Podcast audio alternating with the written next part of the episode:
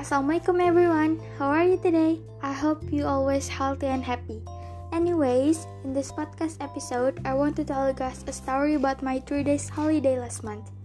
Last month, me and my family went to my grandmother's house in Solo. We transported with car and left home at 1 a.m. in the morning. If I'm not wrong, it took 15 hours. When we got there, we met my auntie first and then get some rest like slept or eat some food. In the next day, I spent my day from morning until evening with my cousin. Just call her Mbak Isna. We had breakfast together, we bought ice cream together, watch horror movie, talk, and a lot more. At night, I talk a lot with my whole family and love a lot too. Sadly, the next day we had to be back to Bekasi and leave this pretty city. I really have fun in there. I hope next year we can go to Solo again without this COVID situation.